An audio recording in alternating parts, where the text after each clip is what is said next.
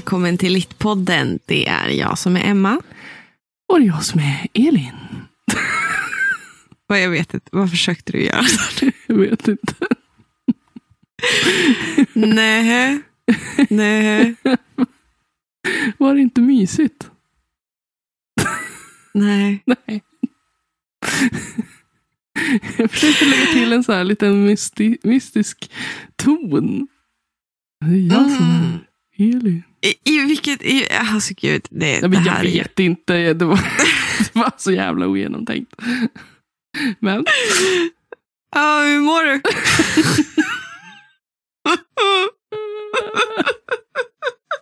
har du, har du fyra timmar över? Ska det vara therapy session?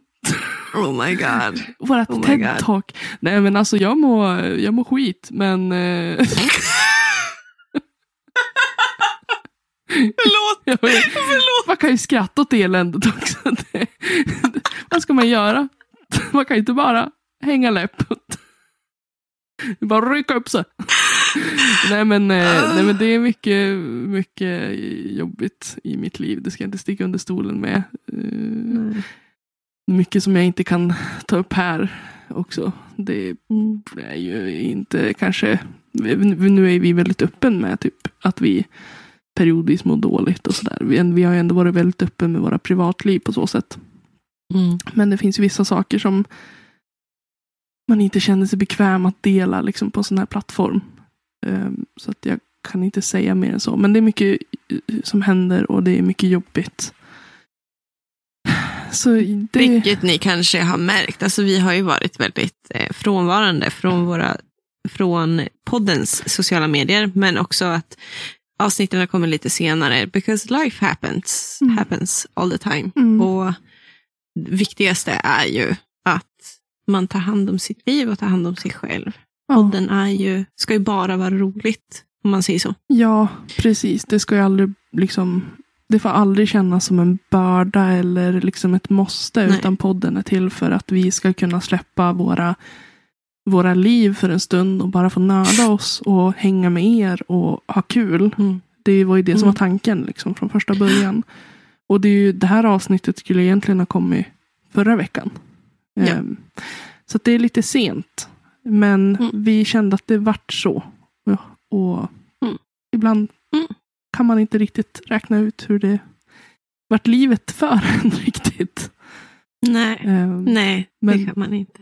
Men eh, jag vill inte grotta ner mig för mycket i det negativa. Utan jag vill försöka liksom vända det här samtalet till någonting positivt. Men jag tänker att det kan vara bra att bara få ur det. Mm. Mm. ja, så här är det. Men nu, under de här... Saker, saker existerar dubbelt Ja. parallellt. Det gör ju det. det vi är ju människor med eh, komplexa liv. liksom. Ja. Eh, men just här och nu i det här samtalet så känner jag ändå att det kommer bli kul. Ja, det känner jag med. Ja. Hur mår du? Ja, nu mår jag bra. Ja. Jag mår bra, jag mår bra rent generellt. mår jag skitbra. Ehm, idag bara var det en stressig dag. Mm. Hade, jag var, ja, jag vet inte. Det var fullspäckat från morgon till kväll. Eh, mina kusiner tog studenten idag, vilket var fantastiskt att se dem springa ut. Jag älskar mina kusiner. Eh, jag tycker de är så... De har blivit så fina tjejer, så fina vuxna och de var så stolta över sig själv och jag är så stolt över dem. Alltså man vill typ gråta, så fint var det. Men det gick ju typ inte för att det var ju typ 25 27 grader varmt där, Ja. så att alla tårarna bara sögs upp. Fanns inget vatten, liksom. Mitt grundvatten i slut om man säger så. Ehm, och sen så efter det, han ju knappt vara på deras examensmiddag, firande. För att sen hade jag en motorcykelkörlektion i två timmar. I värmen. var- I, alltså motorcykel, alltså hörni, ni förstår inte hur plågsamt, hur otroligt plågsamt det är att köra motorcykel. För övrigt blir ju en motorcykel väldigt varm när man kör den. Så att du, den, den hettar ju. Så 25 graders gassande sol i Umeå, alltså i staden. och du, har, du är stressad och du har då motorcykelställ på dig. Alltså jag var dyngsur efter de två timmarna. Dyngsur. Det var inte skärmigt. Jag luktar inte skärmigt nu, för jag har inte hunnit duscha. Det kanske tur att vi sitter på varsitt håll. Faktiskt, faktiskt. Faktiskt. Alltså det är in, nej, det är inte fräscht här. Det är inte fräscht någonstans. Gillar ändå så att du typ så här, prioriterade podden före duschning. Alltså, Starkt gjort. fan. Det enda som skulle lukta på mig är en katt en man. Skylla sig själv. Nej, jag ska duscha efteråt. Fan. Men alltså det har varit, det har varit mycket idag. Väldigt mycket. Eh, men jag är generellt väldigt glad. Universitetet är slut. Jag har tagit min examen. Ja. Typ. Typ, vi har typ tagit sån. typ tagit examen. Eh, det, det känns väldigt bra. Jag var i Stockholm Ja. eh, direkt efter. Ja, men jag tog examen på, på typ torsdagen så åkte vi till Stockholm. Började vi, började vi åka till Stockholm på fredagen efter och det var jättekul Mm. att vara i Stockholm. Jag var den som, typ, det här är typ min andra gång i Stockholm någonsin. Och jag var den som bara, fun fact about this place. Fun fact about this place. Här bodde, här bodde eh, Elias Tegnér och här är ett plakat om den, eh, det litterära Stockholm och här så är det Fågelströms, uh, Fågelström, Fågelström, jag kommer inte ihåg, Anders. Ja. Jag tog en bild med han, så här, fanbild. En så här graffitimålning av han. Jag fotade av en graffitimålning av eh, Diablo 4 Lilith och jag fotade av en, en graffitimålning av Astrid Lindgren. Jag bara, authors, authors, authors. Du har fått nörda väldigt mycket där nere alltså. Det är ju härligt. Jättemycket. Jätte, jättemycket. Jättekul. Och så var jag på nördmarknad i Solna. Eh, träffade på en, en författare jag sett på TikTok som heter Fia Hellberg. Eh, ascool tjej. Köpte hennes bok. Surrade lite med henne. Jättekul. Mm. Eh, var inne på sci-fi antikvariatet. Köpte lite mer böcker. Köpte Fick en bok. böcker. På antikvariatet så köpte jag inte jättemånga böcker, några stycken. Eh, men så fick jag faktiskt en, en, en bok gratis där av han som äger butiken, vilket var skittrevligt. Det var en Hitchhiker's Guide to the Gal- Galaxy på svenska då, som heter Adjöss, eh, Adjöss och tack för fisken. Jag tror att det är typ sista tror jag blir. Mm. Och så är den då eh, utgiven via Alba förlag. Eh, så det är en väldigt speciell formgivning på den som jag tycker är väldigt fin. Och, han, ja. och så fick jag se en Ursula Le Guin eh, bok. Eh, Earth the Sea, första tryckningen tror jag det var. Och eh, signerad av henne tror jag det var. Den var värd i alla fall 30 000 kronor. Det är bara att punga ut. Småmynt. Jag bara, I don't believe you, show me. Han plockade ner den och visade upp den. Jag bara, oh my god, oh my god, oh my god. Åh, titta där, vad är det där? Och så bara snor boken och springer. Alltså, jag önskar jag hade varit så snabb. Alltså. Ehm, Känner jag dig så hade du så sprungit rakt in i en bokhylla. Åh, vill du veta vad jag gjorde? Åh gud, vill du veta vad jag gjorde igår? Nej. Alltså, jag är klumpig, jag vet det. Robert har känt mig sedan jag var 16. Han vet att jag är klumpig. Alltså, jag har gjort så mycket skämmiga saker framför han. Jag skäms aldrig inför han. Men igår skämdes jag inför min man för första gången på väldigt många år. Vi hade varit, jag tog mitt första havsstopp. Jag tog mitt första dopp för i år. Eh, älskade underbart nere vid vår lilla privata strand. Sen så var det så jävla mycket mygg, för man måste gå igenom en fårhage. Jävligt mycket mygg. Och jag hade mina sandaler på mig. Mina sandaler har lite platå för att jag är kort och jag vill ha lite höjd.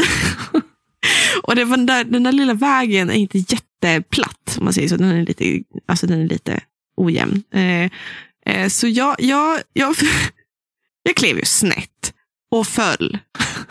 Pladask. inte på arsle, inte på sidan, typ på ansiktet.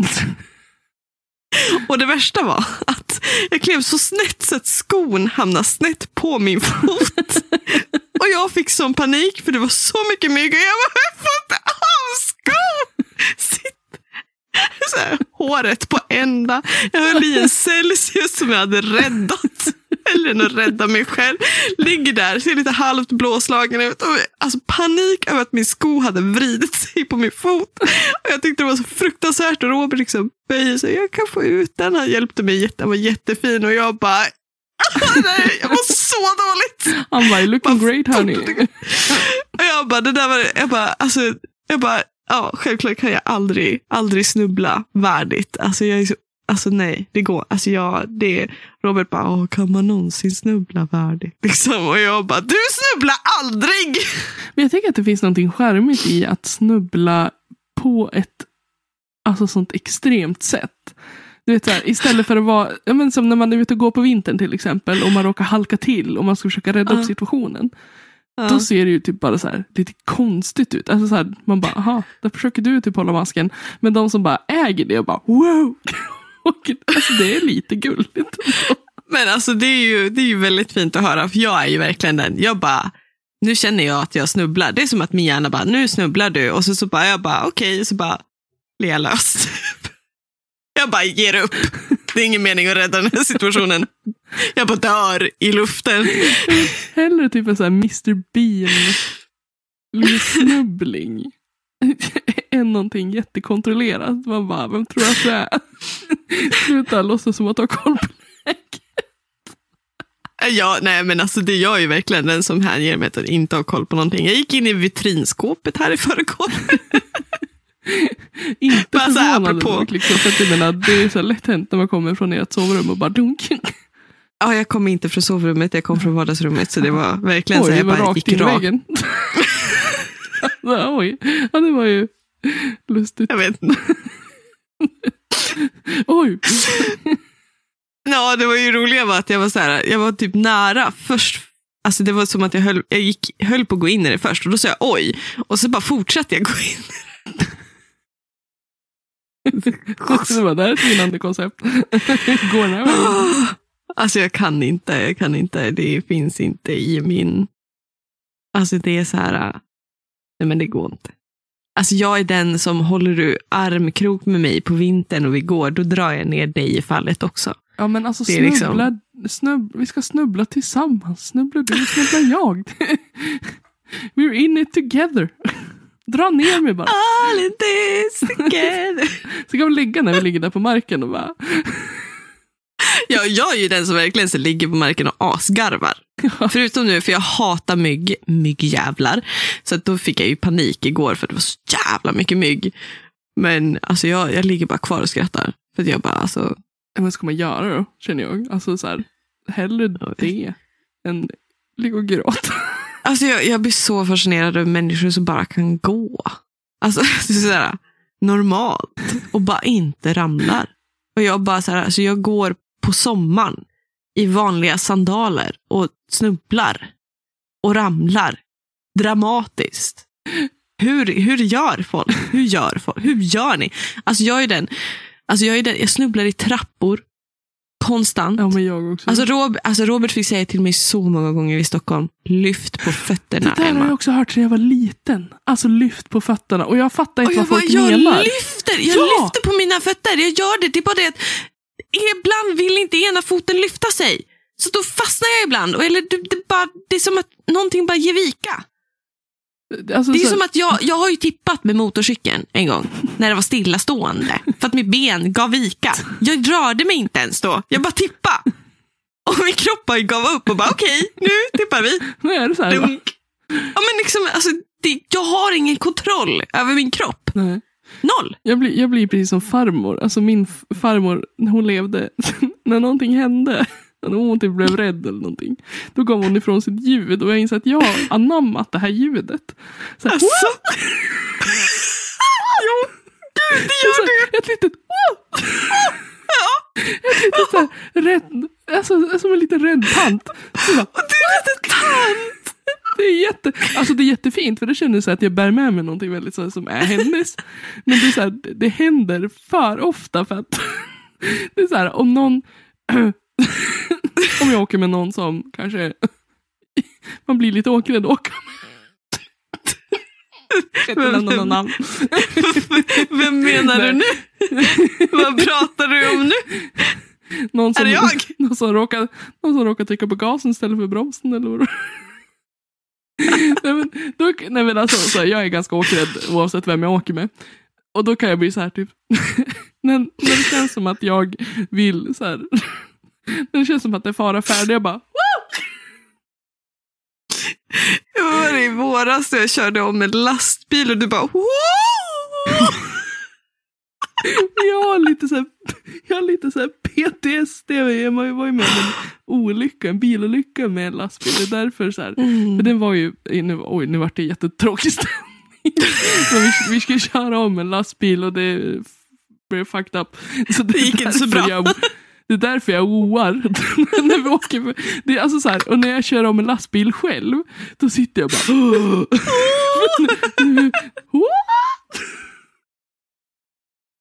Men vad fan är ugglan här bak? Du bara, nej det var jag.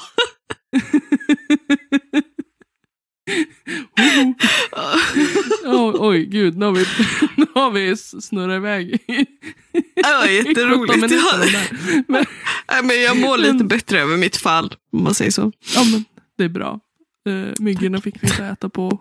eh, Win-win. Nej, det var det inte. Det var inte alls en win för dig. Vad säger jag? Gud. Eh, men det är inte därför vi är här. nej, hörni, i, nej, det är inte här för att prata mygg. Vi är här för att eh, det är juni och det är Pride-månad. Och det här blir ju poddens sista avsnitt för eh, inför sommaruppehållet. Vi har ju alltid ett sommaruppehåll, vet ni ju.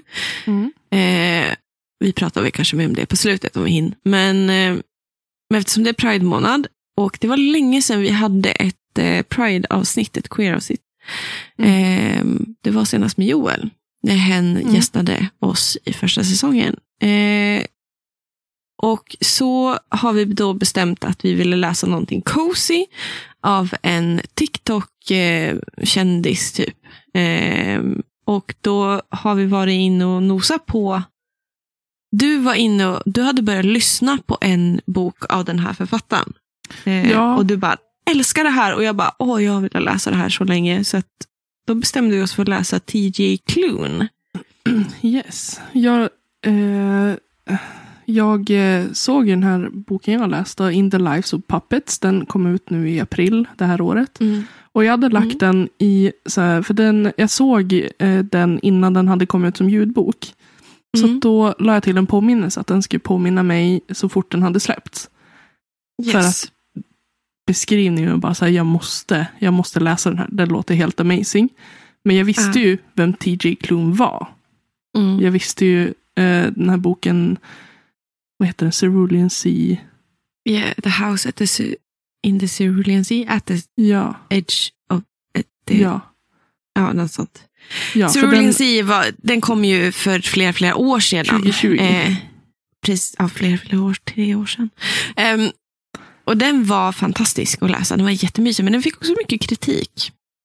Eh, hörde jag. ja, jag har inte läst den så jag vet inte, jag har inte, jag har inte kollat upp den. Men eh, jag visste Ehm. att det, författaren var, alltså jag har hört väldigt mycket gott om Ja. böckerna. Så därför mm, var, kändes det lite spännande att få göra det här avsnittet, tyckte jag i alla fall. Mm, precis. T.J. Klun eh, är ju, eh, han har skrivit eh, Cerulean Sea, Under the Whispering Door, eh, In the Lives of Puppets, men han har också skrivit massa fler. Och det som är en röd tråd i alla hans böcker är faktiskt att han har ett väldigt starkt eh, hbtqia plus-tema. Eh, en hög Yes. representation i, i alla sina böcker. Vilket jag tycker är helt fantastiskt. Och det är också representation även när det kommer till etnicitet och andra sorters diversities eh, som ADHD eller autism och sådana saker. Inte så uttalat tycker jag eh, personligen, men det märks att han har en ganska bra förståelse för hur människan fungerar. Mm, just han vill ju inkludera alla. så därför är det ju inte heller bara män och kvinnor. Det finns ju även representation av icke-binära. precis. Exakt. Det tycker jag är riktigt, riktigt nice. Ja. Eh, men Under the Whispering Door skulle jag säga är ju kanske lite mer av en, en mörkare av han, en av de mörkare av hans romaner. Mm. In the Lives of Puppets har jag inte hunnit läst. Den har du läst och lyssnat på. Men där vet jag att det är found family-tema och father-son relationship, right? Mm, det är en queer retelling av Pinocchio också. Ja, Eh, precis. och den är ju, alltså den är ju dystopisk, skulle jag vilja Mm. säga. Och det Mm. är ju både, alltså den klassas ju, den ligger i genrad i fantasy och science fiction. Mm. Men den är, har väldigt mycket roliga inslag, men den är också liksom, ja, men dystopisk och den kan vara bitvis väldigt liksom, ehm, svår. Inte svår Mm. liksom, att förstå, men alltså jobbig, tung. Ja, Eh, jo, den jo. eh, pratar ju om ja, men, tillhörighet och, och så. Men jag tänker att så här, ska vi hoppa in i någon av böckerna Mm. först? Eh, vill du börja med din? Ja, jag har ju läst Under the Whispering Door. En bok jag har velat läsa ganska länge. Den var länge på min TBR. Det var Joel, en vän till mig då, hen som var med i vårt förra queer-avsnitt för flera år sedan, em, som först och främst introducerade mig för T.J. Clune, Men hen varnade mig också för Under the Whispering Door. Eh, för att den behandlar döden och det är jag jätteintresserad av. Eh, den här eh, boken handlar om Wallace som är en gammal tråkig mm, arbetsnarkoman advokat och så får han en hjärtattack och så ska han möter han ju The Ferryman eh, Hugo och dennes familj eh, där efter han har dött för att Wallace nu står ju i mellan liv och död och ska då gå vidare i livet. Det som kommer därefter. Och Hugo är eh, vad man kallar då en ferryman, alltså typ döden. Eh, man säger så. En representation av döden. Och han har ju eh, andra människor runt omkring sig. Han har ju också, eh, gud, jag och mina namn. Han har ju också en reaper i sin närhet. En jättehärlig tjej som jag bara inte kommer, May heter hon. Mm. Eh, Så att det, det finns två olika, liksom, dels är det eh, The Ferryman och en Reaper. Precis. Eh, och den här boken behandlar också självmord. Och det var därför eh, Joel sa att vänta ett litet tag. När du känner att du är där och redo och känner att det, det inte ligger så nära för Mm. dig. Så det, jag lyssnade på hennes råd och eh, tog inte upp den förrän nu då. Eh, när du pratade om In the Lives of Puppets Mm. eh, så läste jag igenom den här och den här boken har alltså berört mig jättedjupt. Jag vet inte om T.J. Klune har varit med om eh, att människor, många människor har gått bort runt omkring han. Eh, men han gör en väldigt, väldigt bra beskrivning av vad det är som händer med människor runt omkring. Mm. Men också vad man kanske många gånger som lämnad kvar funderar kring och sådana saker. Och varför folk kanske drivs till att, att avsluta sitt liv och sådana saker. Mm. Och Så han var väldigt duktig på olika sätt representera och beskriva och gestalta hur en död går till. Liksom. Eh, delvis med hur Val Wallace eh, får den här hjärtinfarkten. Mm. Men också hur då, eh, den här karak- det är en karaktär som heter Cameron som är den som tog då sitt liv.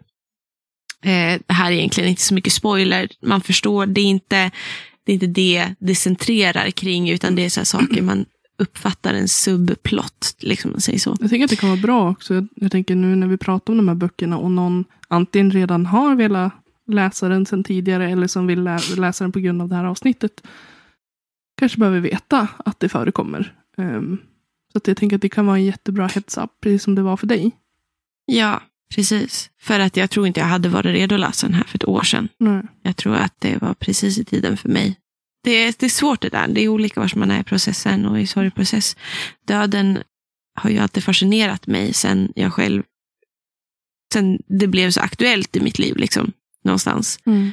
Eh, för att hur fungerar sorg? Vad är det vi sörjer egentligen och sådana saker. Och det är väl det Tio Klun på sätt och vis sätter i en väldigt fantasy-verklighet. Han främmande gör det här otroligt fint. Mm. Men också tillsammans med hans höga representation av olika sorters identiteter så var den en bok jag kunde knyta an till. Jag kunde till och med knyta an till Wallace som en otroligt osympatisk karaktär. Eh, för Wallace är inte... Eh, det står så här, his death was their beginning. Mm. Och då menar de på att Wallace och Hugo utvecklades en kärleksrelation. Mm. De blir ju förälskade i varandra, vilket också är jätteproblematiskt för Wallace är ett, ett spöke. Mm. Och Hugo är ju the ferryman, men han är också mänsklig. Liksom. Okej.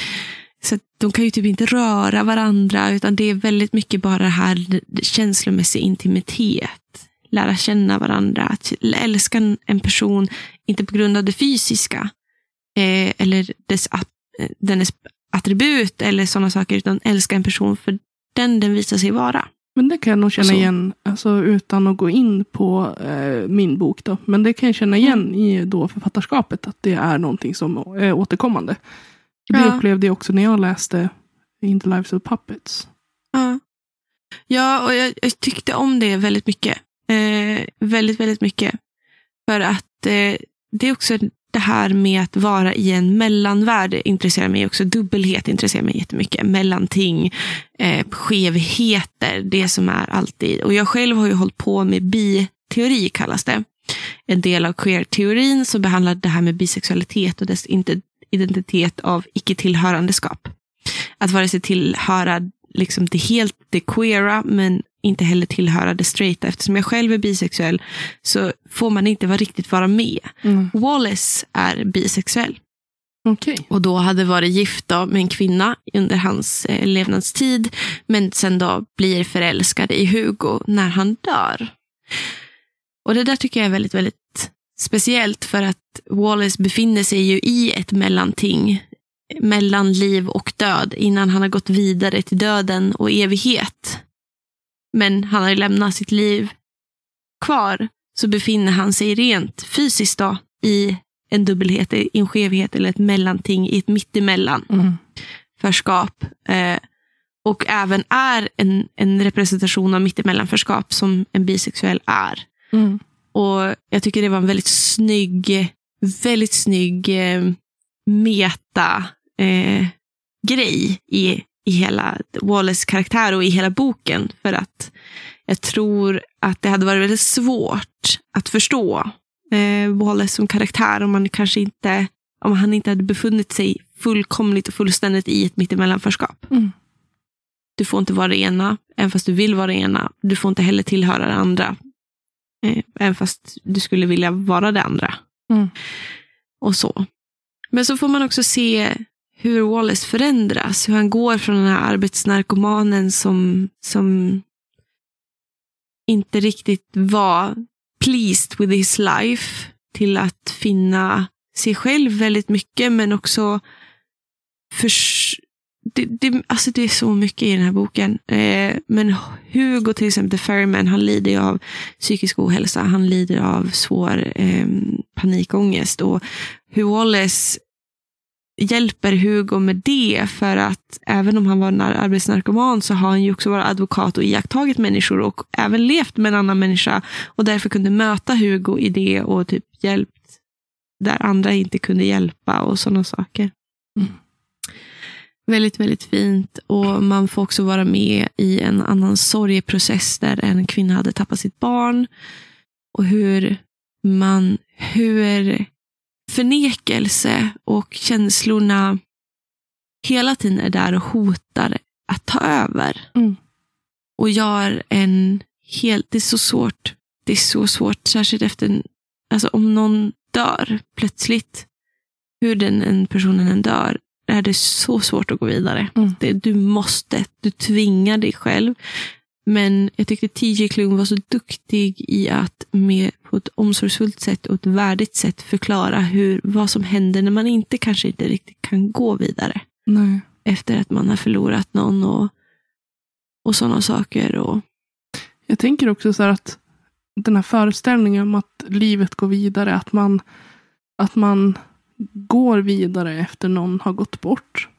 Mm. Det, det känns lite som att man att man ljuger för sig själv eller att man ljuger för Mm. andra när man säger det. För att man går aldrig vidare. Det är bara Nej. det att man lär sig att leva med det. Mm. Mm. Så att det går ju liksom inte att tro att det ska kunna att det liksom är, okej nu tar jag mig härifrån och bara lämnar det där. Utan man bär sig med alltid det med sig. Mm. Men att man någonstans accepterar det. Och det är den här acceptansen som jag tror att man, det är viktigt att man liksom jobbar mot. Så här, jag accepterar Mm. att livet blev så här. Mm. Och att det är jobbigt och att det är sorgligt. Och att jag saknar den här personen. Men Mm. jag kan inte påverka det för att det är det är ju det som det innebär att vara människa eller att leva ett liv. Liksom. Vi kommer alla att gå bort förr eller senare. Jag kommer ju behöva hantera de här känslorna fler gånger. Mm. Ja, och det är väl det som jag försökte klumpigt kanske få fram, att det här med att gå vidare, så refererar jag väl egentligen till att man går vidare på det sättet att man lever, alltså människan kommer ju alltid leva kvar i en, men man kan också välja att, leva, att låta det här få stanna kvar i det som har varit, som har varit positivt och glad, Mm. glatt och fint. Liksom. Att det går att leva med den här äh, sorgen. Mm, För att sorg betyder att du bara saknar Mm. en annan person. Mm. Det betyder inte att livet är över för dig också. Nej.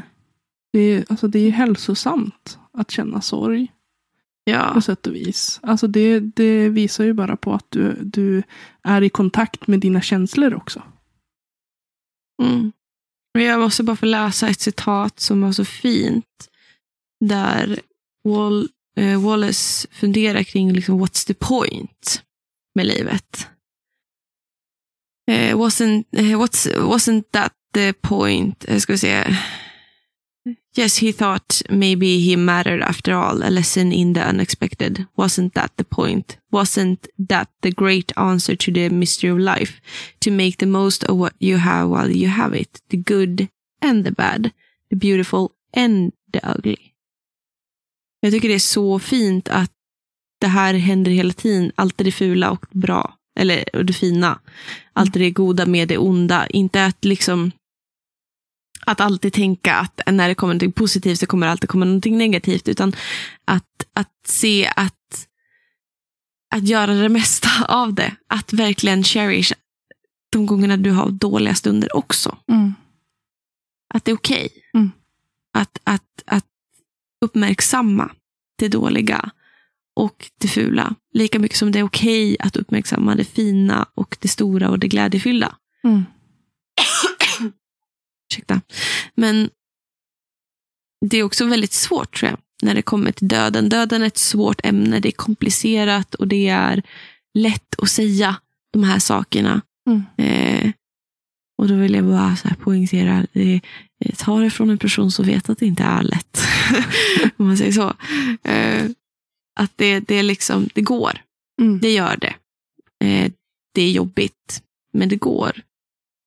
Man kommer gå, man kommer fortsätta gå, man kommer fortsätta andas, man kommer fortsätta leva. Eh, men det är upp till dig hur du vill leva ditt liv. Mm. Eh, och sådana saker. Och ehm, Jag vet inte, jag tycker att det här Men gud.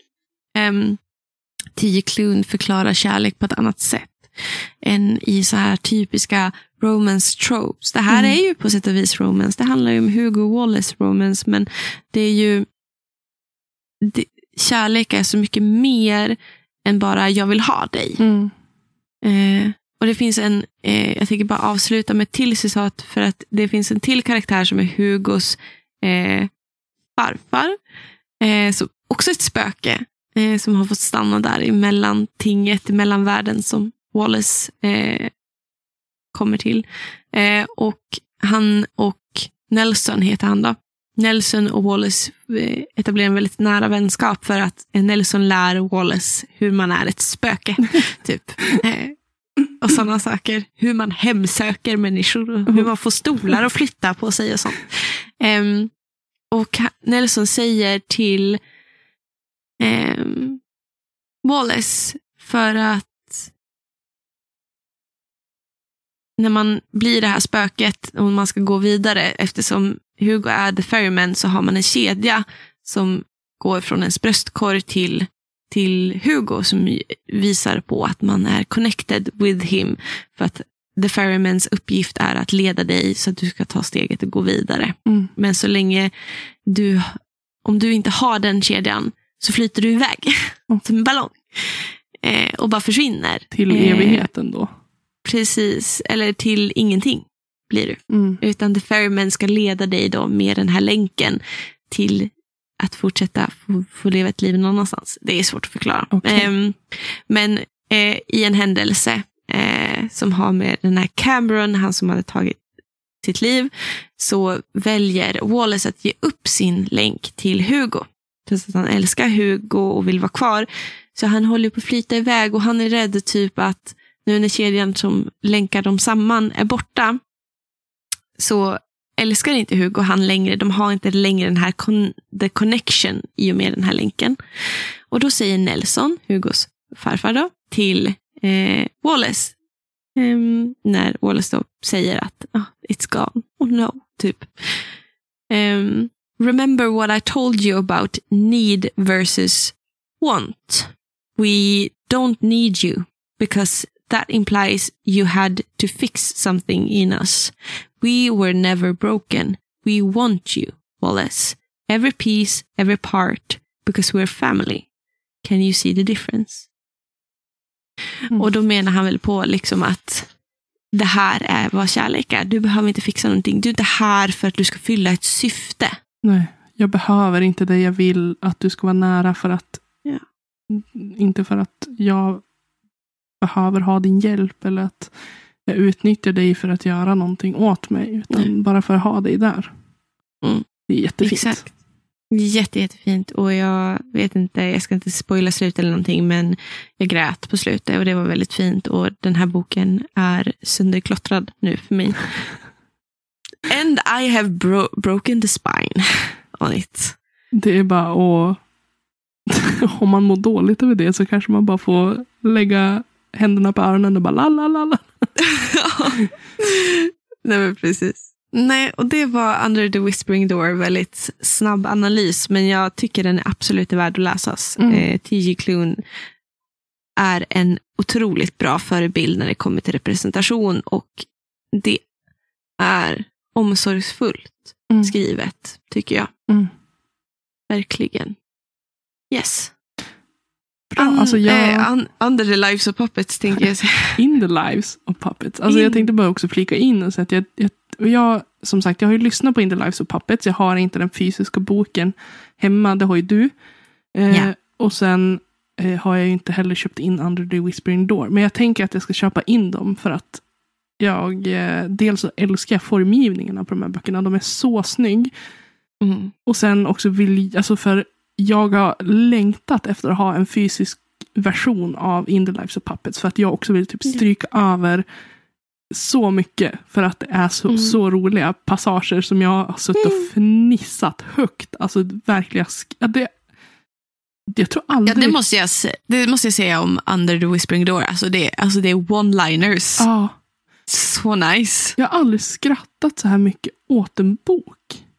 Högt. Alltså så här, man kan ju ha tänkt så här, hm, det var ju roligt liksom. Men när man Ja. inte kan hålla sig för skratt utan man liksom bara bubblar ur en.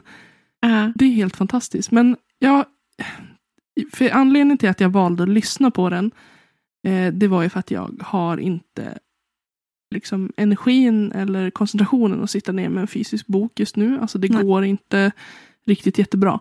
Och då tänker jag att en Mm. ljudbok är ju lätt, eh, för då kan jag göra annat. Alltså jag kan hålla mig liksom busy med annat Mm. och lyssna i bakgrunden. Och ändå så har det varit lite kämpigt. Jag är inte klar än. Jag, jag har inte kunnat det. För mig, jag är inne i en sån musikperiod just nu. Eh, det, Det är, är okej. det är så jag kan hantera typ jättestarka känslor och stress. Mm.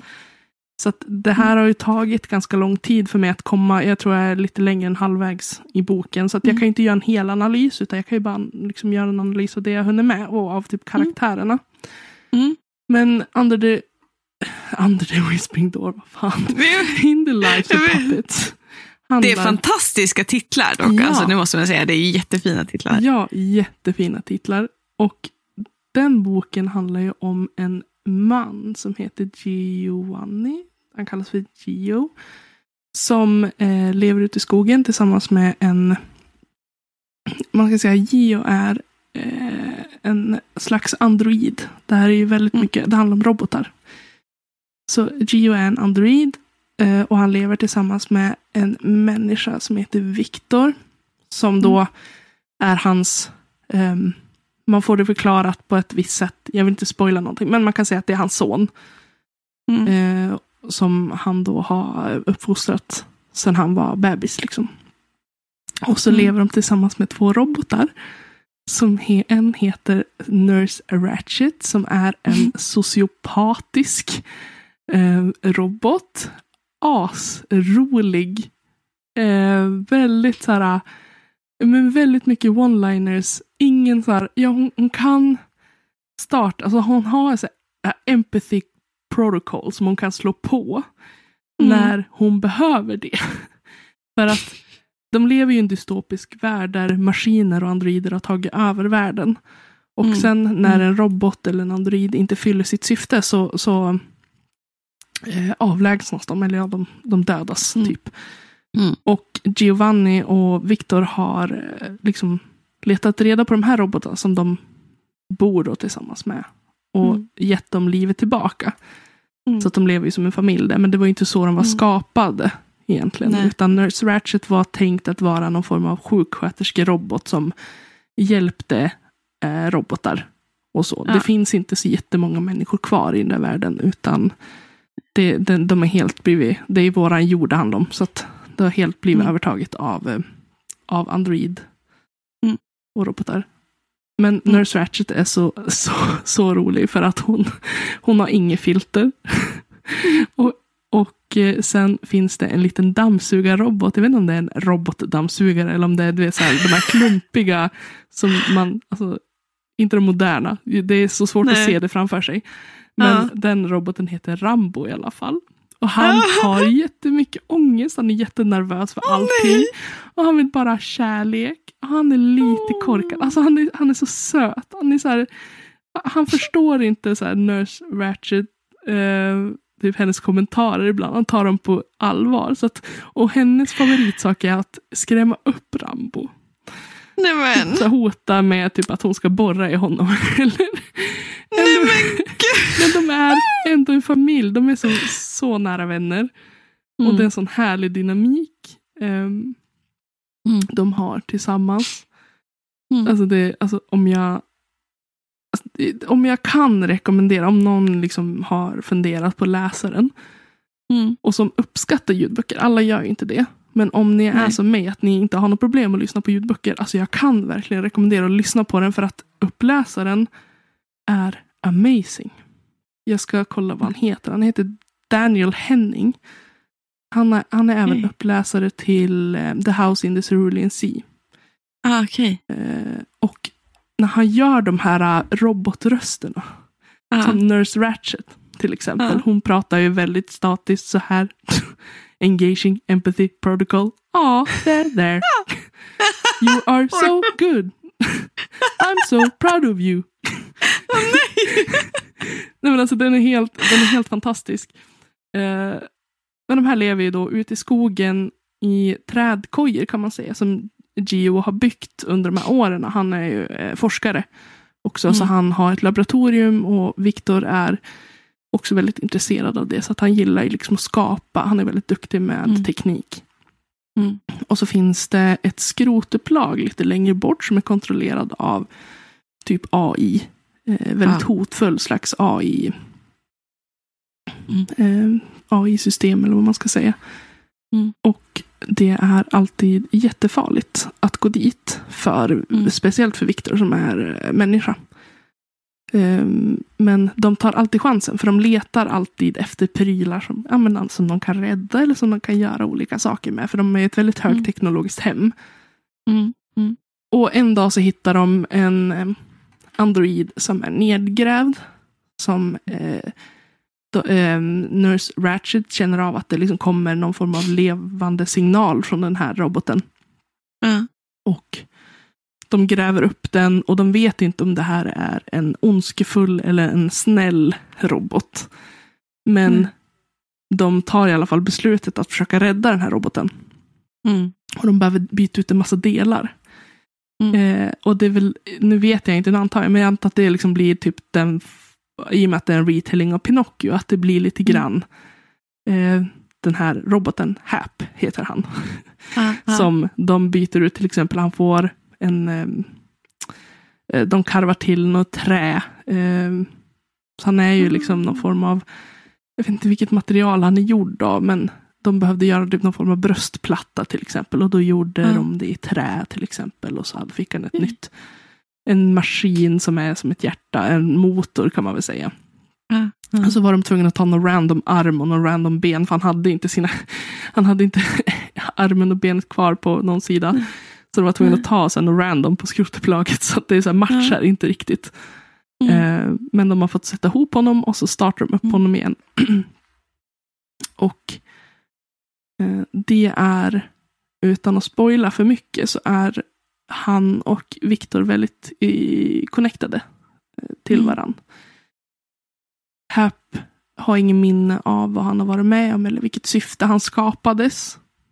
Mm. Ehm, Men han blir väldigt bunden till Viktor och svär på att beskydda honom. Men han har väldigt svårt att förstå det här med mänsklighet till exempel. Mm. Varför man som människa går och bajsar till exempel.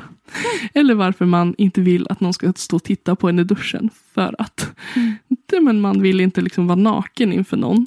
Eh, och de Mm. pratar om det på ett väldigt, alltså det blir väldigt hysteriskt roligt i och med att man också på sätt och vis, eh, man, ska, man kan ju säga att Viktor är huvudnarrativet. Men Mm. det är inte utifrån Viktors liksom, ögon man ser, utan man får ju liksom ta del av typ robotarnas funderingar och tankar. Liksom.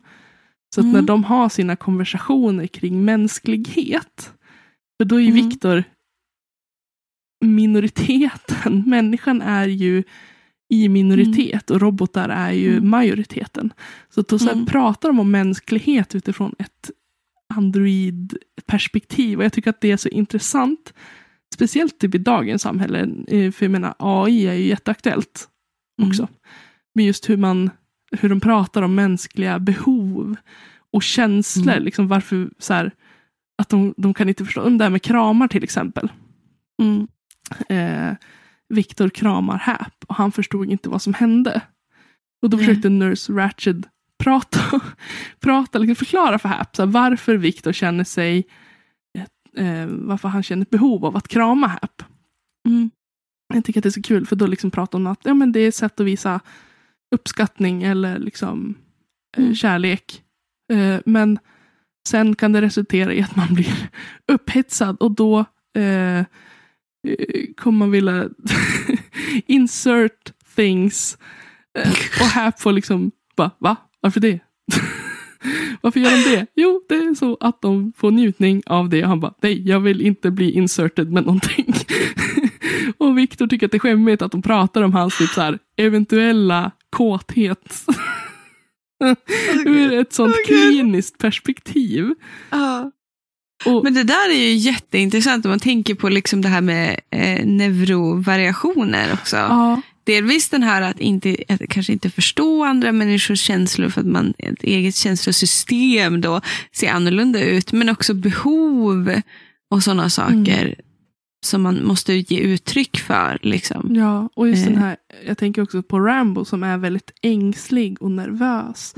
Att Mm. det också är så här ångest och stress. Alltså Ja. man får med så väldigt Mm. mycket alltså relaterbart. För jag menar som Nurse Ratched då som sägs vara en sociopatisk Ja. eh, men samtidigt så har hon ju väl en- ett starkt behov av att skydda Viktor. Mm. Och att hon genast liksom vill ge sig in. Typ, ja, men hon, så här, hon kan säga så här, ja, om du skulle försvinna så skulle det ta mig exakt två dagar, fyra timmar, bla bla bla minuter för mig att glömma bort dig. Eh, men sen, Okej. sen visar det sig liksom att nej, men hon skulle ju aldrig liksom Nej. eh, det finns ju en slags kärlek där fast hon sägs vara så bortkopplad från empati. Det, är ju, det är ju helt enkelt dissociation, tänker jag. Mm. Alltså, det är ju en jättebra representation av hur det är att låtsas vara tuff eller Ja. låtsas vara kall för att inte attacha till någon annan. Man påstår att jag kommer, du, du, så, du, du är fin men du spelar inte så mycket roll för mig så jag kommer ha glömt dig. Om ett år så är du putsväck någon annanstans i min hjärna. Jag har kommit över dig, jag har gått vidare. Da, da, da. Mm. För att man inte vill bli sårad. Ja. Liksom. Och, det är också, och det kan man ju göra genom att till exempel verkligen bara så cut attachments, men också genom att dissociera. Alltså att man inte heller acknowledge dina egna känslor och tar dig tid Mm. för saker. Mm. Ja men Och exakt. Och när man, jag, jag vet inte, jag, jag tycker alltså den som jag sa, den, kan, den, den har väldigt tunga teman också tänker jag. Just det här med som jag sa, det här med AI och hur det är så aktuellt i våran i vårat samhälle. För att det finns en, en debatt om så här, hur långt ska vi ta det här med AI? Innan Ja. det kan ta över liksom vårat samhälle. För hur smart ska vi göra? Det, hur smart ska vi liksom låta det här, alltså låta en AI bli? För jag menar, det kan ju förgöra vårat samhälle på sätt och vis. Eh, Mm. Det kanske inte blir som iRobot eller något sånt där. Men Jag tänker att- bara på Asimov och jag bara, vi vet redan hur det blir det här hörni. Ja, och jag tänker att så här, man, man behöver inte hårdra det. Det är inte kanske så att så här, robotar tar över världen. Men jag tänker Nej. att det är väldigt lätt att manipulera, alltså använda sig av AI för att ja, men kontrollera kanske en bank eller vad som helst. Att man Ja, kan, eller bara, alltså, det är ju så mycket problem inom skolvärlden nu med AI-skrivna texter. Ja. Alltså det, det är en kris, eh, alltså undervisningskris och eh, bedömningskris inom skolvärlden. Ja, och jag, Just nu. jag tycker också så här utanför skolvärlden, just det här med typ Snapchat. Att den, Snapchat Mm. har ju lanserat en e- egen AI-robot. Som det sägs att den inte ska ha tillgång till din eh, plats, eh, alltså tillgång till vart du befinner dig. Men Mm. den har det. Även om man har stängt Mm. av den möjligheten så ser den liksom. Och att man kan ställa frågor och få jättekonstiga svar och så vidare. Mm. Det är, det finns så mycket problematiskt med AI Mm. som vi inte kanske har förstått än. Utan vi är så Mm. fascinerade av den här utvecklingen och, och att det är så coolt. Liksom. Mm. Men vi Mm. kan inte förstå vilka problem det skulle kunna bli av det. Och det tycker jag Mm. att den här boken är jätteintressant att läsa ur det perspektivet. För att den lyfter ju liksom det här med gott och ont. Mm. Att allt som man skapar behöver ju inte nödvändigtvis vara ont. Men det Mm. onda blir så mycket tydligare. För att de Mm. ställer ju till med väldigt mycket problem. Mm. Mm. För i boken har ju det, de onda, eller vad man ska säga, har ju tagit över världen.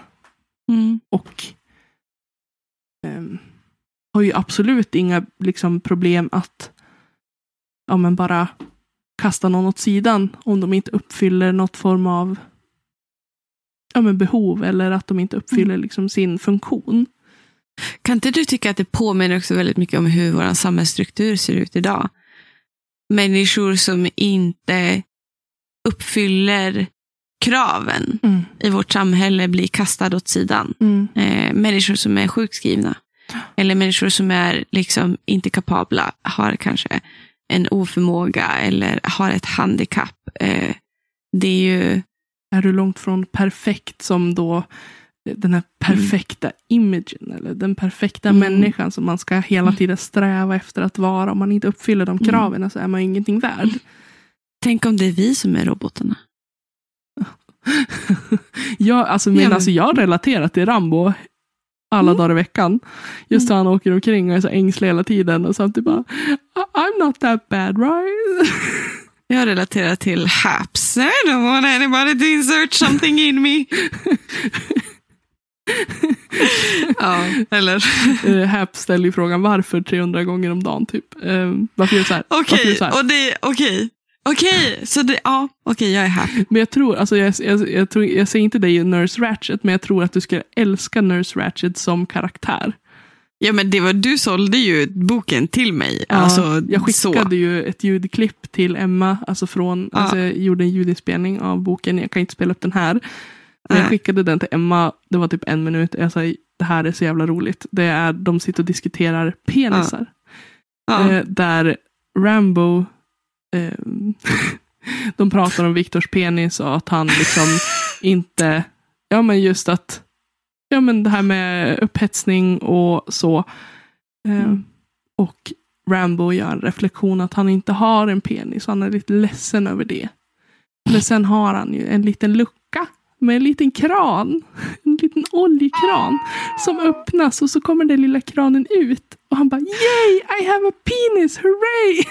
Oh,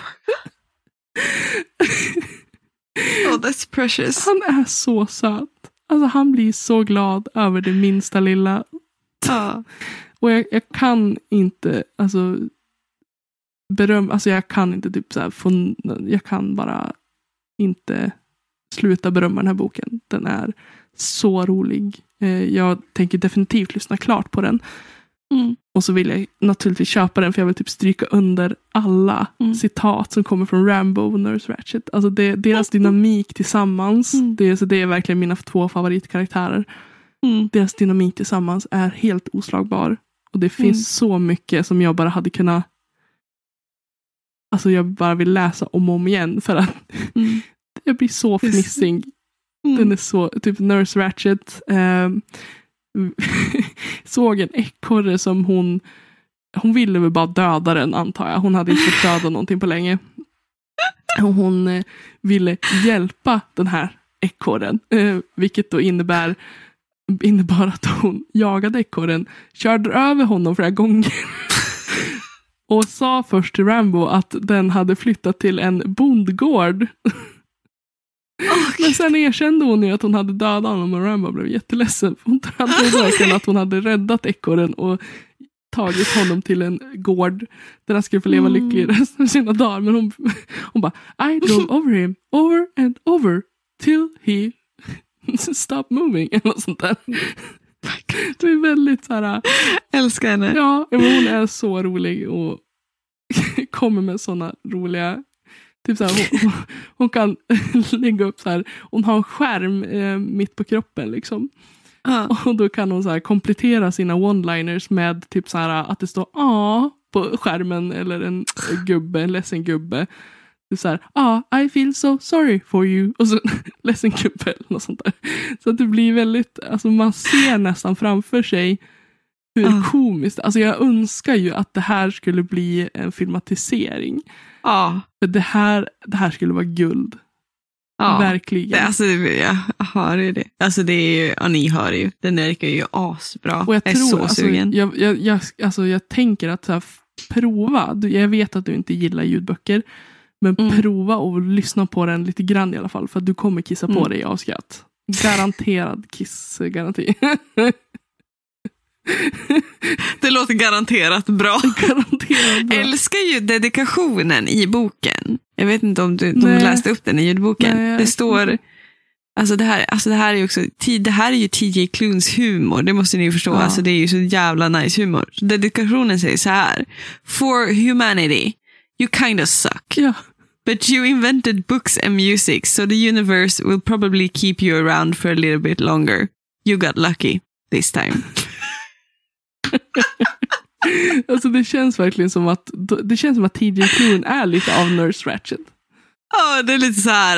uh, Det där Ah. kommer från honom. Liksom. Ja. Hans, det där är den underlying sociopatiska sidan som bara väntar på att komma ut. Som han tar sig uttryck i Nurse Ratchet. Jag, jag tycker att den är helt fantastisk. helt underbar. Och skulle de så här, skulle komma en illustration av Rambo, jag skulle lätt tatuera in den. För Rambo är, jag älskar Rambo. Det är min nya Mm. favoritkaraktär ever. Om det är någon som jag skulle vilja träffa, en fiktiv karaktär, så skulle det vara Rambo. Love it. Förlåt, jag gäspar. Ingen fara.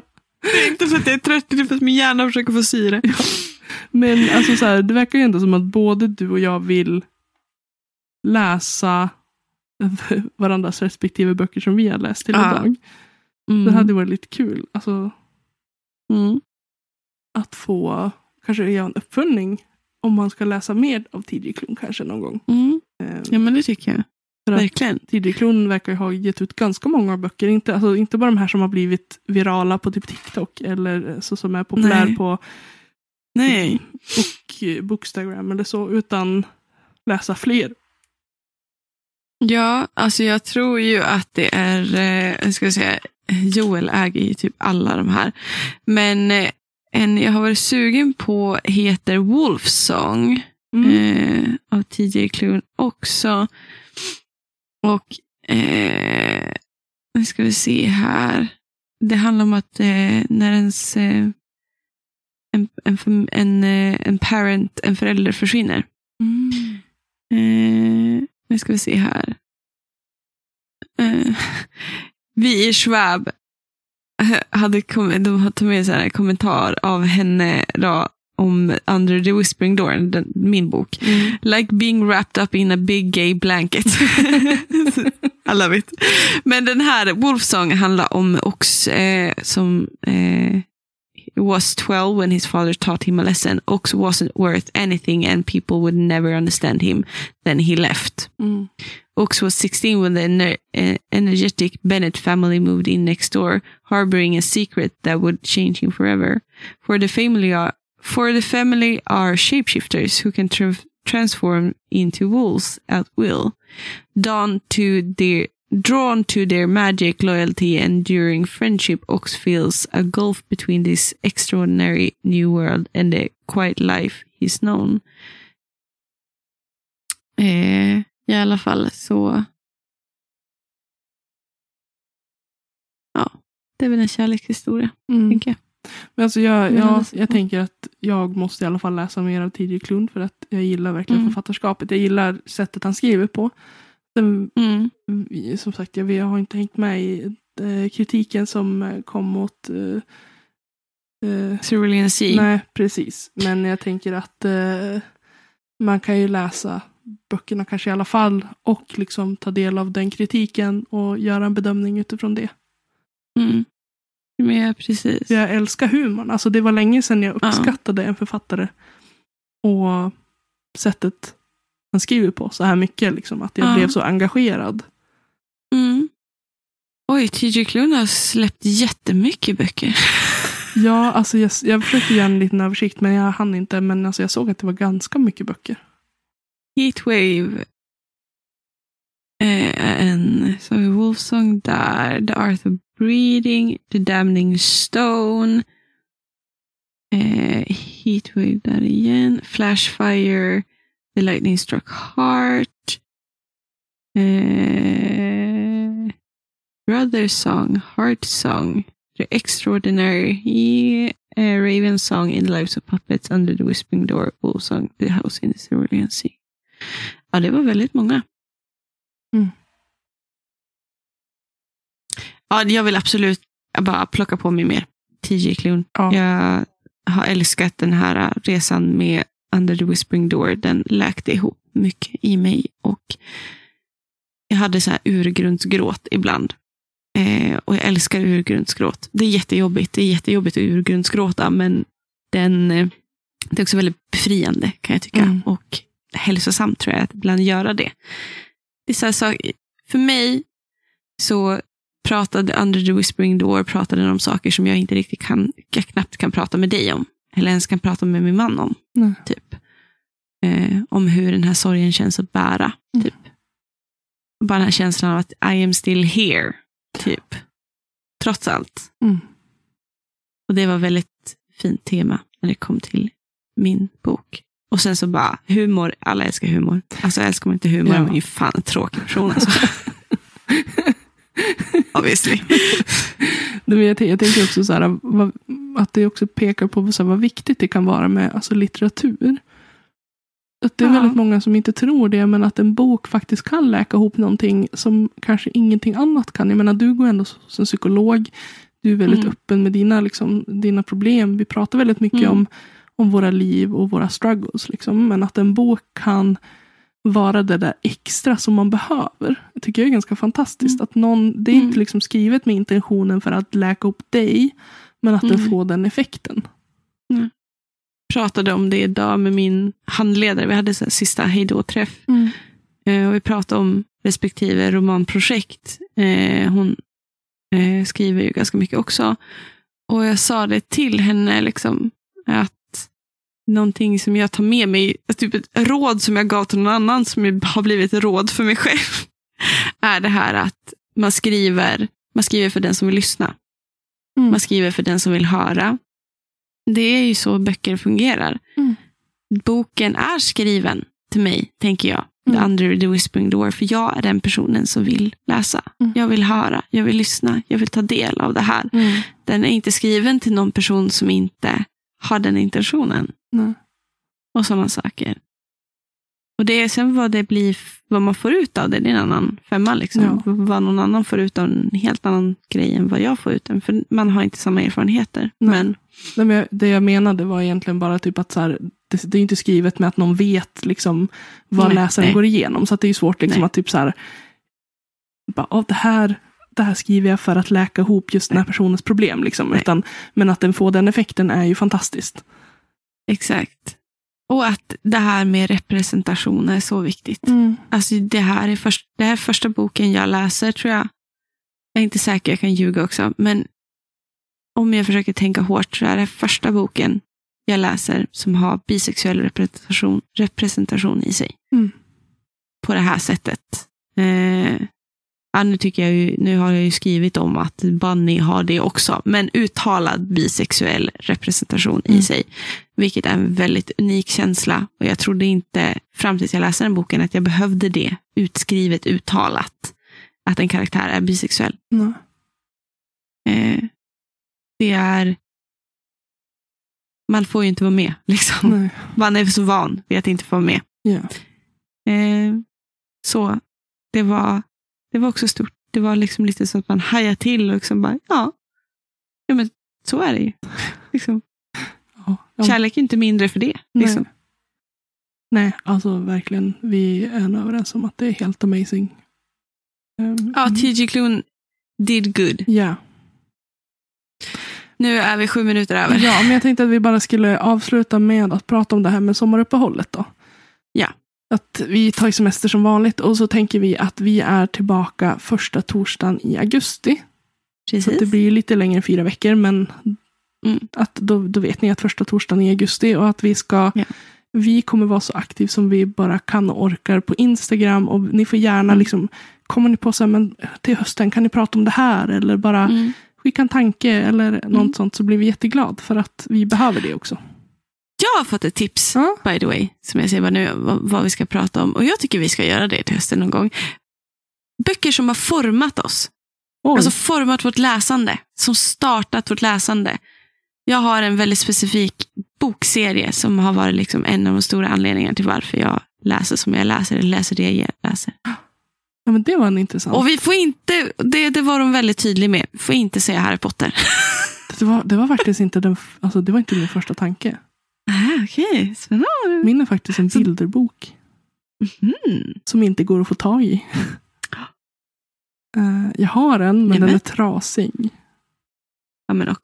Nej, men alltså, Går så det här, att jag hade velat haft en, en finare version. Jag försökte leta efter den eh, på typ bokbörsen och så.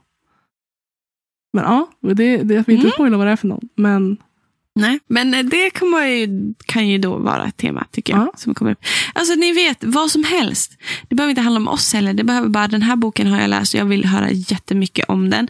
Okej, ni kan ju inte riktigt ge oss typ Samantha Shannons böcker, ni vet de här gigantiska feta 10 000 sidors böckerna, för det kanske vi inte hinner läsa. nej. Men, eh, men ge oss lite tid så kanske vi kan ta en sån bok i och för sig. Ja. ja, men lite tips. Kanske tips om så här. Det här är en författare vi hade velat att ni bjuder in på, till podden kanske. Alltså så här, sådana Ja. saker är också kul att få. Exakt. Så kanske vi inte kan möta de önskemålen alltid. Men alltså, Nej. ja, vi kan ju alltid försöka. Ja, och, och så. Precis. Men nu kommer vi ta ett uppehåll. Vi Ja. behöver den här vilan. Ja. Vi har gjort bra ifrån oss de här åren på litteraturvetenskapliga programmen. Ja, och vi, vi behöver få läka ihop saker och ting under sommaren. Och bara få ta en liten... enda jävla läkande hela tiden.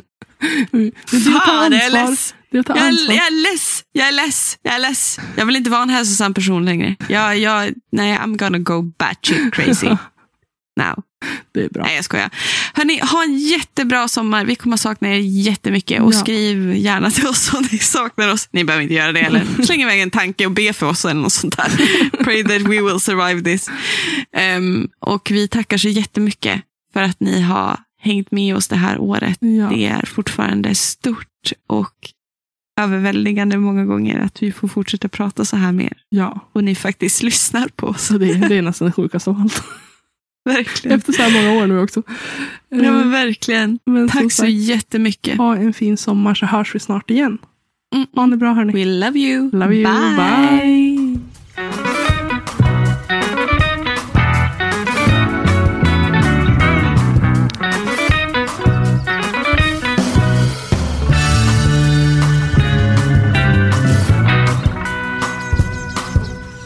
Ni har lyssnat på Littpodden med mig, Elin Oslin och Emma Granholm. Musik och klipp av Magnus Kjellson och Robert Granholm. Management av Ida Berglund. Tack hörni för att ni har lyssnat.